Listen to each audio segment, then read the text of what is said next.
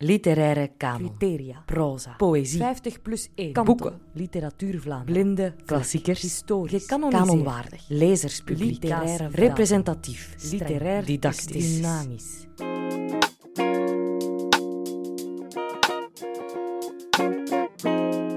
Dit zijn de Kanonconversaties. Een podcast van de Koninklijke Academie voor Nederlandse Taal en Letteren en Vlaams-Nederlands Huis de Buren. Dit is aflevering 2. Vrouwen in de kanon. Ik ben Anke Verschuren en ik ben geïnteresseerd. Hadewig, Anna Bijns, M. Vazalis, Hella Haase, Ida Gerhard. Ik had hier graag een lange aanzwellende opsomming laten horen, maar dit zijn ze. De vijf vrouwelijke auteurs die opgenomen zijn in de literaire kanon. Vijf van de vijftig. Eén op tien. Dat is weinig. Te weinig. En het ergst van al is, mijn masterdiploma Nederlands en ik vinden het op dit moment helemaal niet zo gemakkelijk om dat lijstje zo uit het hoofd veel langer te maken. Hoe komt dat? Waarom moet dat veranderen? Welke vrouwen horen in de kanon thuis? En hoe pakken we dat het beste aan? Dat zijn de vier simpele vragen waar deze aflevering om draait. Ik legde ze voor aan twee bijzondere dames.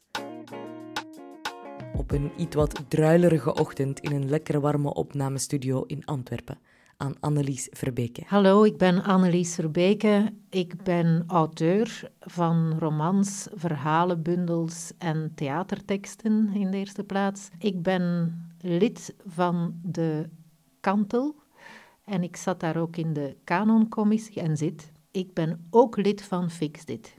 Dus ik ben hier met verschillende petten, maar vooral die van mijzelf. Op een frisse maar zonnige namiddag in een heerlijk huis vol boekenkasten aan de Prinsengracht in Amsterdam, aan Maaike Meijer. Ik ben Maaike Meijer. Ik ben van 1949. Dus ik loop al een tijdje op deze aardbodem rond. Ik heb Nederlands gestudeerd aan de Universiteit van Amsterdam. En literatuurwetenschap heb ik ook gestudeerd. Toen ben ik uh, genderstudies gaan doseren met heel veel literatuur en geschiedenis erin aan de Universiteit van Utrecht. En daarna ben ik hoogleraar gender en diversiteit aan de Universiteit van Maastricht geworden. Uh, ik heb heel veel geschreven over Nederlandse literatuur, want dat vond ik altijd heel prachtig, maar ook over andere literatuur, culturele verschijnselen, over gender, over zwarte literatuur, over allerlei vormen van in- en uitsluiting en hoe dat werkt. Mijn eerste vraag is nogal allesomvattend en toch heb ik vaak het gevoel dat ze veel te kort beantwoord wordt. Hoe komt het dat er zo weinig vrouwen in de literaire kanon staan? De eerste uitleg daarvoor zou dan misschien spontaan kunnen zijn, ja, vrouwen hadden minder de kans om te schrijven, wat natuurlijk uh, ten dele zeker zo is. Voordat de schrijfkunst werd beoefend en werd onderwezen, had je natuurlijk heel veel orale cultuur. Dan is alles natuurlijk anoniem, maar dan vind je een heleboel liederen en gedichten die zo'n vrouwelijk stempel hebben, dat ze bijna wel zeker door vrouwen geschreven moeten zijn. Als het schrijven in de volkstaal één keer begint, dan zijn het bijna alleen maar mannen die die kunst beheersen. In de renaissance, dan komen er wat meer vrouwen. Laatst heeft iemand ontdekt dat er eigenlijk heel veel vrouwelijke toneelschrijfsters zijn, veel meer dan we eigenlijk wisten. Maar dan nog worden voor vrouwen ontzettend veel drempels opgeworpen om mee te doen. Om te mogen publiceren moest je bijvoorbeeld lid zijn van een dichtgenootschap. Alleen mochten vrouwen daar geen lid van zijn. Dan krijg je de 18e eeuw, dan komt er eigenlijk een soort vloedgolf van schrijvende vrouwen. Dat is een internationaal fenomeen. De romanschrijfkunst is echt een vrouwengenre. Maar aanvankelijk wordt de roman helemaal niet zo serieus genomen. Treurspelen en versen, dat was echte literatuur. Uiteindelijk is de roman natuurlijk het belangrijkste genre geworden. En daar hebben vrouwen zich enorm in gemanifesteerd. Maar dan nog moesten vrouwen heel erg vechten om hun werk gepubliceerd te krijgen om tijd te vinden om te schrijven. En het werd ook helemaal niet gewaardeerd dat vrouwen aan hun bureau zaten en schreven. Dat stond haaks op wat er van vrouwen werd verwacht, namelijk de man dienen de huishouding doen, kinderen baren en dat soort dingen. Ja, dus een deel van de reden waarom er minder vrouwen in de kanon zitten, is eigenlijk voor de 18e eeuw, omdat er echt minder vrouwen zijn. En daarna is er eigenlijk helemaal geen reden meer voor. Want dan zijn er zoveel auteurs, mannen en vrouwen. Er is toch ook nog iets anders aan de hand, denk ik. Er is ook iets aan de hand wat te maken heeft met status. Ik denk dat er bepaalde mechanismen zijn die vrouwen uitsluiten uit die kanon. En ik denk niet dat dat kwaadwillig is dat dat gebeurt, maar dat dat te maken heeft met veronderstellingen en vooroordelen die uh, in ons zitten. Voor alle duidelijkheid, ik denk dat die beelden zowel in het hoofd van mannen als van vrouwen zitten. Wat maakt dat we een andere blik werpen ook vaak op wat vrouwen schrijven dan wat mannen schrijven. En dat er toch een grotere serieus hangt rond wat mannen schrijven en dat er zeker sprake is, en dat heb ik in mijn eigen carrière ook al vaak gemerkt, van dubbele standaarden. Dat wat bijvoorbeeld rusteloos genoemd zal worden bij een man, hysterisch genoemd wordt bij een vrouw. Dat stilistische experimenten van mannen innovatief zijn en stilistische experimenten van vrouwen, dat die verkeerd zijn, dat dat fouten zijn. Dat is heel diep geworteld. Dus vrouwen mogen volgen, maar niet leiden. Omdat vrouwen meer belangstelling hebben voor de persoonlijke relaties en voor dingen die hun bekend zijn vanuit uit de vrouwelijke leefsfeer. En met kinderen bezig zijn, huishouding doen, het huwelijk goed houden. Terwijl mannen veel meer in de buitenwereld bezig zijn. Dat was gewoon de scheiding der seksen die heel lang uh, gegolden heeft. En dus ten eerste is het zo dat vrouwen soms over wat andere dingen schrijven. En vervolgens vestigt zich het vooroordeel dat ze wel over die dingen zullen schrijven. Dus ook al schrijven ze over heel andere dingen, dan wordt dat niet meer gezien. Romans die door vrouwen zijn geschreven, dat kunnen natuurlijk allerlei romans zijn. Het kunnen avonturenromans zijn, psychologische romans, naturalistische romans.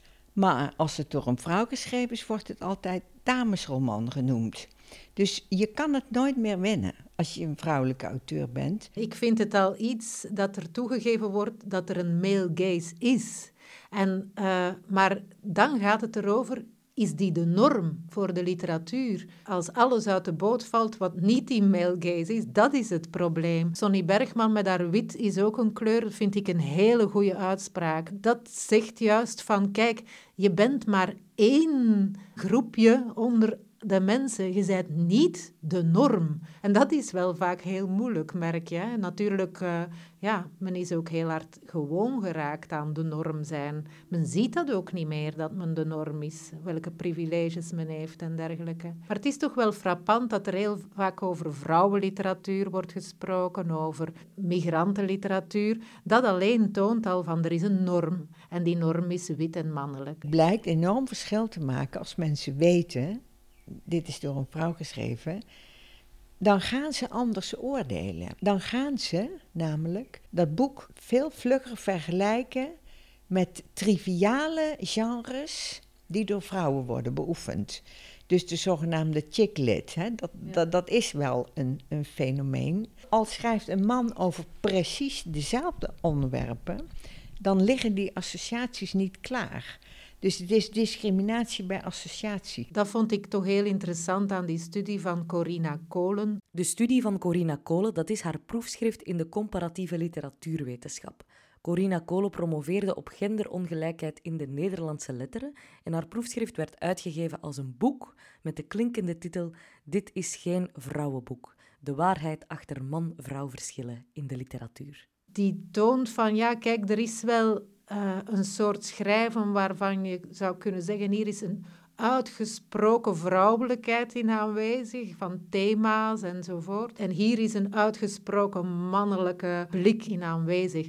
Maar eigenlijk schrijven de meeste auteurs in een mengvorm, of wat je zo zou kunnen noemen. En dan gaat het over de blik van de lezer erop. Een vervelende gevolg van onderdrukking is um, dat je minder zelfrespect krijgt. En er zijn veel vrouwen die komen tekort aan zelfrespect. Dus gewoon voor zichzelf als individu, maar ook voor hun eigen seksen. Daardoor zie je jezelf als minder belangrijk, maar daardoor zie je het werk van andere vrouwen ook als minder belangrijk. Dus dat vrouwen door een eigen gebrek aan zelfrespect ook niet het respect voor seksgenoten hebben, dat, dat is echt een probleem. Ik denk dat je bij jezelf ook soms vaststelt dat je blik op een kunstwerk verandert als je weet dat het van een vrouw of een man afkomstig is.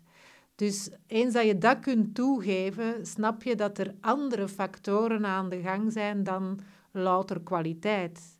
Uh, wat dan heel vaak wordt gebruikt om iets af te schrijven of, of op te nemen. Gek genoeg wordt er altijd wel een of andere reden gevonden om vrouwenboeken te marginaliseren. Of het is te geëngageerd, of het is niet engageerd genoeg, niet innovatief of veel te innovatief. Dat idee dat vrouwen op een manier altijd het schaap met de vijf poten zijn, wat net niet helemaal past in, uh, in de traditie, dat is heel sterk. Nog veel werk aan de winkel dus. Maar ze zijn er. Vrouwelijke auteurs die kanonwaardige boeken hebben geschreven.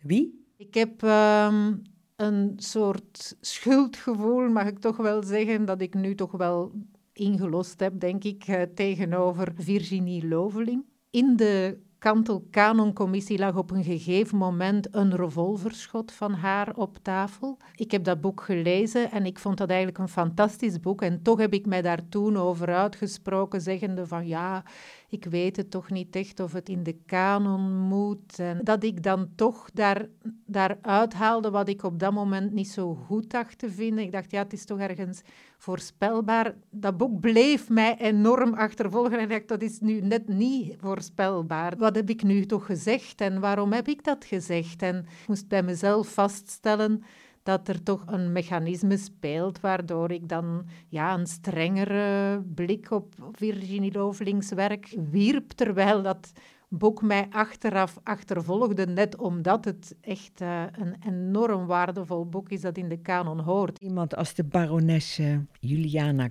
Cornelia Delannoy, een 18e-eeuwse uh, schrijfster, enige vrouw. Ze schreef Het Beleg van Haarlem, schreef hele geestige gedichten, satires. Maar ze deed ook heldendichten. En dat was in die tijd echt een heel kanoniek genre. Hè? Een schrijver die iets voorstelde, die moest heldendichten dichten.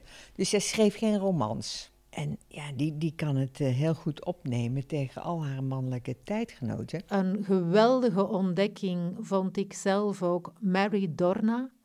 Mary Dorna was een auteur van voornamelijk korte verhalen en ik ben zelf uh, een zeer grote ja, liefhebber, is zelfs zacht uitgedrukt, beoefenaar en lezer van korte verhalen. Ik heb heel veel acties ondernomen om dat genre meer in de kijker te plaatsen, want ook daar gaat het om status. Hoewel het korte verhaal in op andere plekken in de wereld uh, een hogere status heeft soms dan de roman, is dat hier niet het geval. Dus je merkt ook die verhalenbundels en korte verhalen vallen vaak uit de kanon.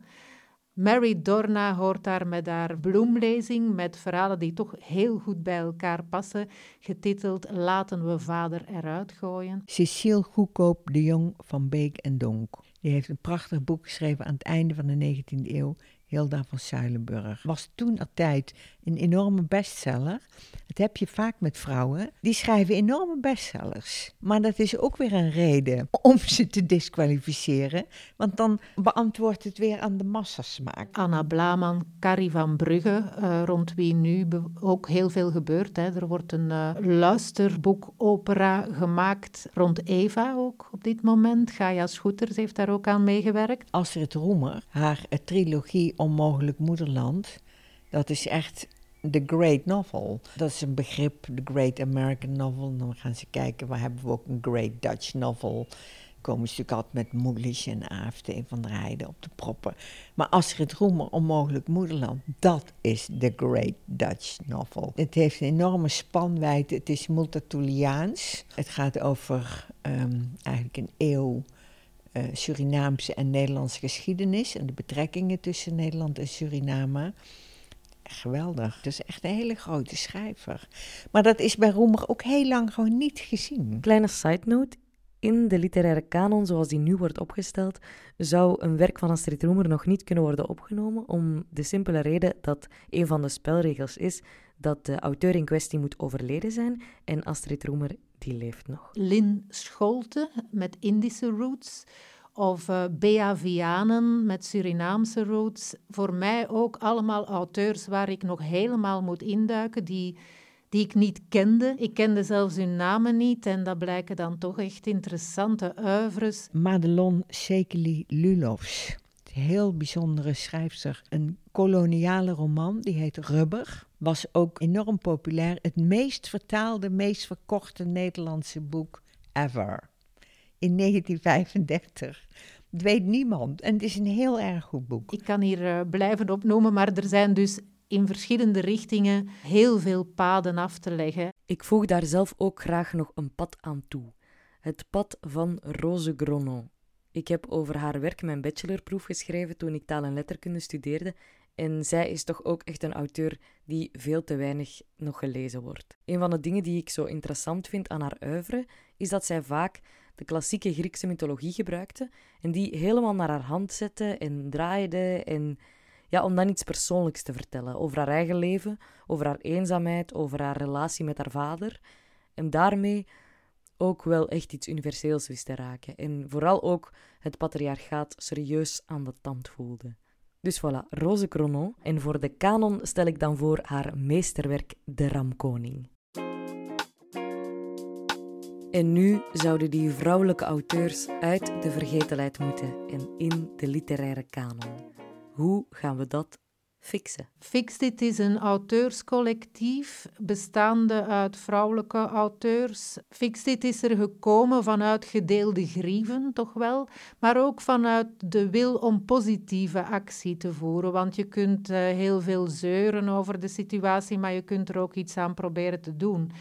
En bij mij is er toch in de eerste plaats het gevoel van ik zit zelf met blinde vlekken en laat ik daar nu eens samen met ja, andere auteurs iets aan gaan doen. Nu zijn er natuurlijk tegenwoordig echt een behoorlijke groep kritische Neerlandici, Neerlandica's heel vaak, in de weer om, ja, om terug te gaan naar de bronnen. Om dat werk van vrouwen en mannen vergelijkenderwijs allemaal opnieuw te lezen en, en opnieuw te interpreteren en te laten zien hoe die discriminatie werkt. Janna Loontjes had eigenlijk het idee om een podcastreeks te gaan maken rond een vijftiental moderne klassiekers, dus boeken geschreven in de 20e eeuw. Daar zijn we ons nu uh, op aan het richten. Maar we gaan zeker in latere stadia ons ook met oudere literatuur bezighouden. En we zullen ook uh, een blik werpen op poëzie bijvoorbeeld, of essay. Er zijn best wel veel boeken geschreven over vrouwelijke schrijvers in een bepaalde periode. Ik heb er ook heel vaak aan meegedaan. En dat is heel erg uh, zinvol als, als voorbereidend werk. Dat je al die vrouwen apart bestudeert. Dat je dat je laat zien ja, wat ze te zeggen hebben. Maar zo'n boek vol met vrouwelijke auteurs, dat wordt heel gemakkelijk ook weer terzijde gezet. Dus je moet je moet eigenlijk proberen om aan, aan, mainstreaming of integratie te werken. Dus als er weer eens een kanon wordt voorgesteld hè, voor Nederland of voor de lage landen of voor Europa, dan moet je zorgen dat daar genoeg vrouwen in staan. Ik ben helemaal geen voorstander voor het vervangen van mannen in de kanon door vrouwen of door mensen van een andere afkomst. Volgens mij ligt het antwoord in aanvullen in plaats van aanvallen. Ik heb daar mijn slogan van gemaakt. En ik denk bijvoorbeeld, hè, om nu bij de kantelkanon terug te keren, als we die kanon met tien boeken zouden uitbreiden en we zorgen dat die tien geschreven zijn door vrouwen of door mensen met een andere origine, dan zijn we toch al een eind op weg om echt de blinde vlek op te lossen, zoals we ons hadden voorgenomen. Buiten de slogan, we moeten aanvullen in plaats van aanvallen, is ook mijn, mijn slogan. En niet alleen als het over literatuur gaat, je kunt het oude eren en het nieuwe verwelkomen. En het blijft mij verbazen dat dat zo moeilijk lijkt voor mensen. En met het nieuwe bedoel ik ook een nieuwe blik op het oude. Hè. Soms in de zin van hè, dit werk dat begin 20e eeuw werd geschreven door een vrouw, kent niemand nog. Hoe is dat in hemelsnaam mogelijk? Want dit is zeker wel even waardevol als wat wel in de kanon staat. Mannen kunnen daar ook een belangrijke rol in spelen. Als mannen vrouwen serieus nemen, dan helpt dat gewoon. Dus als mannen gewoon niet weer elke kans te baat nemen om die vrouw een kopje kleiner te maken, maar gewoon open en met respect uh, met vrouwelijke collega's omgaan, in dit geval met schrijfsters. En ook gewoon onbevangen lezen. Het is bij Fixit zeker zo dat we ook mannen betrekken bij onze acties. Dat we ook van mannelijke collega's echt al veel steun hebben ervaren. Niet van allemaal, maar je merkt wel dat dat leeft. We hebben ook enorm veel positieve reacties gekregen op onze initiatieven. Ook mensen die daar zelf heel hard mee bezig zijn. Vrouwen, maar ook mannen. Uh, en ik wil hem hier toch echt noemen. Wout Vlaming is een uh, bibliothecaris uit Blankenberge die in feite, ja, ik denk een van de grootste experten uit ons taalgebied is op het gebied van wat vrouwen in het verleden hebben geschreven. Hij is zich al jaren aan het toeleggen op het lezen van vrouwelijke auteurs die onterecht ook volgens hem vergeten dreigen te worden. Hij leest hele oeuvres en hij adviseert ons ook voortdurend vrijwillig. Ik ben daar heel dankbaar over. Om maar ook te illustreren, het weer in de kijker plaatsen van waardevol werk van vrouwen uit het verleden dat eigenlijk in de kanon thuis hoort dat is niet alleen een taak voor vrouwen, uiteraard. Je kunt een kanon maken van boeken die daadwerkelijk veel werden gelezen in de geschiedenis. Dus zeg maar uh, te vergelijken met een kledingmuseum je zet er de kleren in die echt werden gedragen door de adel en de boeren. Dan krijg je een heel andere kanon dan die we nu hebben. Uh, dan zou je de kluchten erin moeten zetten. Die waren heel populair in de middeleeuwen. Dan moet je um, Louis Couperus er niet in zetten. Dan zouden die 18e eeuwse toneelschrijfsters er allemaal in moeten staan. Want die stukken waren heel erg populair. Uh, dan zou menige kanonieke mannelijke auteur um, wegvallen. Dan zouden we Madelon Sekeli Lulofs niet vergeten zijn. Dan zouden we Jacoba van Velden niet vergeten zijn. Die kanon bestaat helemaal niet. Ik hou absoluut ook van die mannen in de literatuur. En ik betreur het ook dat men toch vaak zich aangevallen voelt zodra het gaat over er horen meer vrouwen in. Omdat men het gevoel heeft, maar ja, wij zijn toch geen onmensen, wij zouden dat ook wel willen en zo. Maar dan is het denk ik ook een kwestie van de nuances niet uit het oog te verliezen en mensen in hun waardigheid te laten, in hun deskundigheid ook te, te appreciëren. Maar ook wel ja, zachtjes erin te masseren van kijk, toch zijn we allemaal onderhevig aan een bepaalde blik die toch enige aanpassing vereist. En, uh, maar dat is iets om vaak heel voorzichtig aan te brengen. En zelfs dan uh, kun je mensen tegen het hoofd stoten. Ik heb ondertussen ook heel veel vrouwen gezien die enorme bewondering hebben voor vrouwen die sterk zijn en die iets presteren. En dat wordt denk ik steeds sterker. Er was dan enerzijds, ja, Fixtit werd opgericht, Hysterix werd opgericht en de secte van Saskia. Dat was allemaal op dezelfde periode, allemaal toen wij in quarantaines zaten. En dat is toch wel bijzonder, dat wij blijkbaar hebben stilgestaan bij wat is hier toch wel echt belangrijk voor ons. Hoe kunnen we dingen op een positieve manier in beweging en verandering brengen. En dat we blijkbaar allen toch wel behoefte hadden aan een vrouwelijke solidariteit. En ik vind dat heel mooi ook. Ik, ik ben daar echt heel blij om. En het was ook bij mijzelf echt een enorme behoefte waarvan ik bewust werd, die er misschien al eerder was geweest, maar ik kwam uh, ja, op een punt in mijn leven waar ik dacht van ja, we moeten echt als vrouwen er voor elkaar zijn. Want zo het Old Boys Network, dat is echt een, een begrip waar iedereen eigenlijk bij weet wat het betekent. En dan dacht ik van ja, we moeten daar wel iets tegenover plaatsen. Dat is echt de eerste verandering die we nodig hebben, dat we er voor elkaar zijn, dat we solidair zijn. We zitten midden in de verandering. We zijn onderdeel van de verandering. Maar nog even voor de zekerheid. Waarom is dat weer allemaal zo belangrijk? Kijk, hoe, hoe diverser de schrijvers zijn, hoe mooiere literatuur je krijgt. Er zijn bepaalde ervaringen die, die zwarte mensen hebben. Daar heb je zwarte schrijvers voor nodig, anders zal je het nooit snappen. Er zijn bepaalde ervaringen die vrouwen hebben, of die transgenders hebben, of die oudere mensen hebben, of die hele jonge mensen hebben. Je moet een meerstemmige cultuur hebben. Het zijn zeker niet alleen de vrouwelijke stemmen die op dit moment nog voor een deel verstopt zitten in de blinde vlek. Meerstemmigheid zit in gender, in leeftijd, in geaardheid, in geloof, in overtuiging, in afkomst, in kleur.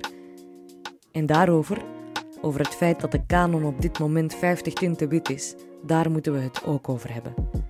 En dat ga ik doen in aflevering 3 van de Canon Conversaties met Erik Vlaming, Rachid Novaire en Linda Lea Njerenda.